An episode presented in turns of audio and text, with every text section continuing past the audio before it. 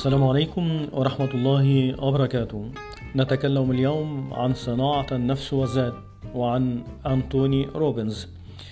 عندما أرى المتحدث البارع في التنمية البشرية وتطوير الذات أنتوني روبنز وكتبه الرائعة التي انتشرت في جميع أنحاء الأرض أقول إنه ولد وفي فمه ملعقة من ذهب. ليس هذا القول صحيحا بل يعد أنطوني مثالا رائعا على الكفاح وقوة التغيير. فحياته كانت بائسة وتعيسة جدا.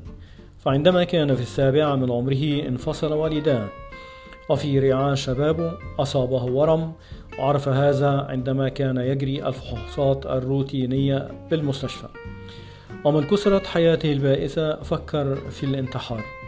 وفي أحد الأزقة ربط عنقه بحبل وبدت أنفاسه بالانقطاع. لمح ظل رجل وبعدها فقد الوعي ولكن إرادة الله باقية. إذ لم يمت ذلك الشخص وعندما استيقظ وجد نفسه في غرفة مليئة بالكتب وجد رجلا عجوزا يكتب. ذهب إليه أنطوني وقال لماذا أنقذتني؟ كنت أريد أن أتخلص من عبء هذه الحياة. فقال الرجل باستغراب ليس هناك ما يستحق في هذه الحياة أن نفقد حياتنا من أجله فلنعش هذه الحياة بسعادة. أن نجعل القدر هو من, من, من يسلب حياتنا. استغرب أنطوني من قول هذا الرجل. وقال له أتقول هذا وأنت لا تسكن في قصر ولا تملك المال وليس لديك جاه أو سلطان وتعيش وحدك بين هذه الكتب. لماذا أنت متمسك بهذه الحياة إلى هذه الدرجة؟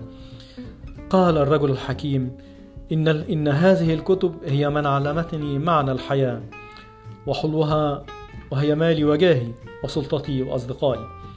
بعدها قرر أنتوني أن يقضي وقتا مع هذا الرجل الذي اسمه جيم روبن. وتعلق قلب أنتوني بالكتب وقرر أيضا أن يدرس علم النفس. وانطلق من بعدها في سماء التنمية البشرية.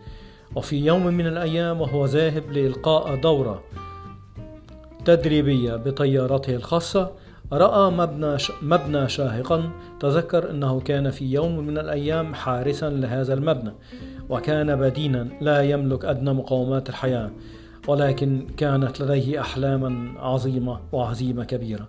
تمنى أن يكون له مكتب في أفضل بنايات أمريكا. مطل على البحر وتخيلها بالصورة التي يريدها. فبدأ بكتابة أمنياته على الورق وما الذي يستطيع أن يقوم به الآن أو بعد عدة سنوات. تحقق ما أراد فالآن يملك أكبر المكاتب الاستشارية في أمريكا ولديه طيارة خاصة ومن أفضل المحاضرين في أمريكا بل في العالم أجمع. أنتوني استطاع أن يحقق أحلامه. وأنت؟ ماذا فعلت؟ وعندما وصل إلى مكان الدورة التدريبية تفاجأ بأعداد غفيرة حضرت من أجله وطوابير السيارات ويقول ويقول هو في هذا الموقف شاهدت طوابير السيارات والازدحام المروري وكنت أخشى أن المشاركين لن يستطيعوا الحضور بسبب هذا الازدحام وتفاجأت أن هذا الازدحام هو بالواقع المشاركين الذين حضروا للمشاركة فتذكرت كيف كنت من 12 سنة. فقط كنت حارسا لعمارة لا أملك شيئا. وتساءلت في نفسي كيف لعقد من الزمان أن يغير في حياة الإنسان؟ والآن ها أنا أتنقل في طائرتي الخاصة قادما من القلعة الأثرية التي اشتريتها لي ولعائلتي كيف أن الإنسان يبحث دائما عما يريده وهو لا يعلم بالحقيقة أن لدى الإنسان القدرة على الفعل المستحيل. اسمعوا ماذا قال وماذا ممكن أن تستفيدوا من خبرة أنتوني روبنز. العديد من الناس يشترون الكتب لكنهم لا يتعدون قراءة الفصل الأول. لستم كسالى ولكن لديكم أهدافا عاجزة. الروح الإنسانية لا يمكن قهرها. النجاح هو نتيجة للرأي الصائب والرأي الصائب هو نتيجة للخبرة والخبرة هي نتيجة للفشل في إصدار الأحكام. لابد أن يكون لديك ما يدفعك لتنهض من فراشك. إن أهم شيء هو أن يكون لك هدف وجهة تتجه نحوها. إن سر النجاح هو أن تتعلم كيف تستخدم الألم والمتعة. بدلا من السماح للألم والمتعة من استخدامك. فإن فعلت فإنك ستتحكم في حياتك. وإلا فإن الحياة هي التي ستتحكم فيك. ستحصل على كل ما تريد في الدنيا إذا ساعدت الآخرين في الحصول على ما يريدون لا يعرف معظم الناس أي شيء عن القوة الهائلة التي يمكننا الحصول عليها عندما نركز جميع مواردنا لتحسين جانب واحد فقط في حياتنا.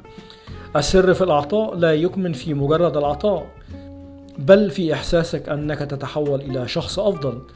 كل شيء تحلم به وتتوق إليه بشدة وتعتقد به بإخلاص وتعمل للحصول عليه لا محالة سوف يتحقق.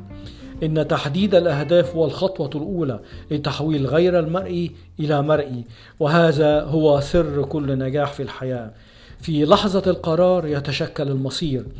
فقط الذين يجرؤون على المضي على المضي بعيدا يكتشفون كم هم قادرين على الوصول. الأشخاص الفاعلين ليس ميالين للمشاكل بل ميالين لاقتناص الفرص وتدمير المشاكل. سر السعادة هو وجود الأحلام أما سر النجاح فهو في تحقيق هذه الأحلام. إن الناجحين والعظماء في هذه الدنيا لم تتبادر إلى أذهانهم أبدا عبارة لنكن واقعيين. إذا كانت لديك الرغبة في النجاح فقد حققت نصف أهدافك. وإذا لم تكن لديك هذه الرغبة فقد حققت نصف فشلك. الفرق بين الإنسان الناجح والآخرين وليس نقص القوة ولا نقص المعرفة إنما نقص الإرادة. عندما تعتقد بشيء إلى حد اليقين فهذا الشيء سوف يتحقق. كل شخص ناجح التقيته قال لي حياتي بدأت عندما بدأت أثق بنفسي. لا يمكنك التحكم فيما يحدث لك لكن يمكنك التحكم في نظرتك لما يحدث لك. وهذا يجعلك تتحكم بالأحداث بدلا من أن تتحكم هي بك. عندما تصل إلى عمق معنى كلمة النجاح تجد أنها ببساطة تعني الإصرار. عليك أن تدرك بأن قراراتك وليس ظروفك هي التي تقرر مصيرك. يجب علينا ألا نؤمن فقط بأن على الأمور أن تتغير بل نؤمن بأن علينا نحن أن نغيرها. وأخيرا أيها الشباب أقول لكم مهما اشتدت عليكم الأزمات وعصفت بكم الهموم والتفت حولكم الكربات لا تيأسوا من روح الله أبدا. خذوا هذا الرجل مثل لكم وسترون نجاحا قريبا في حياتكم إن شاء الله. كل عام وأنتم بخير أيها الشباب والشابات.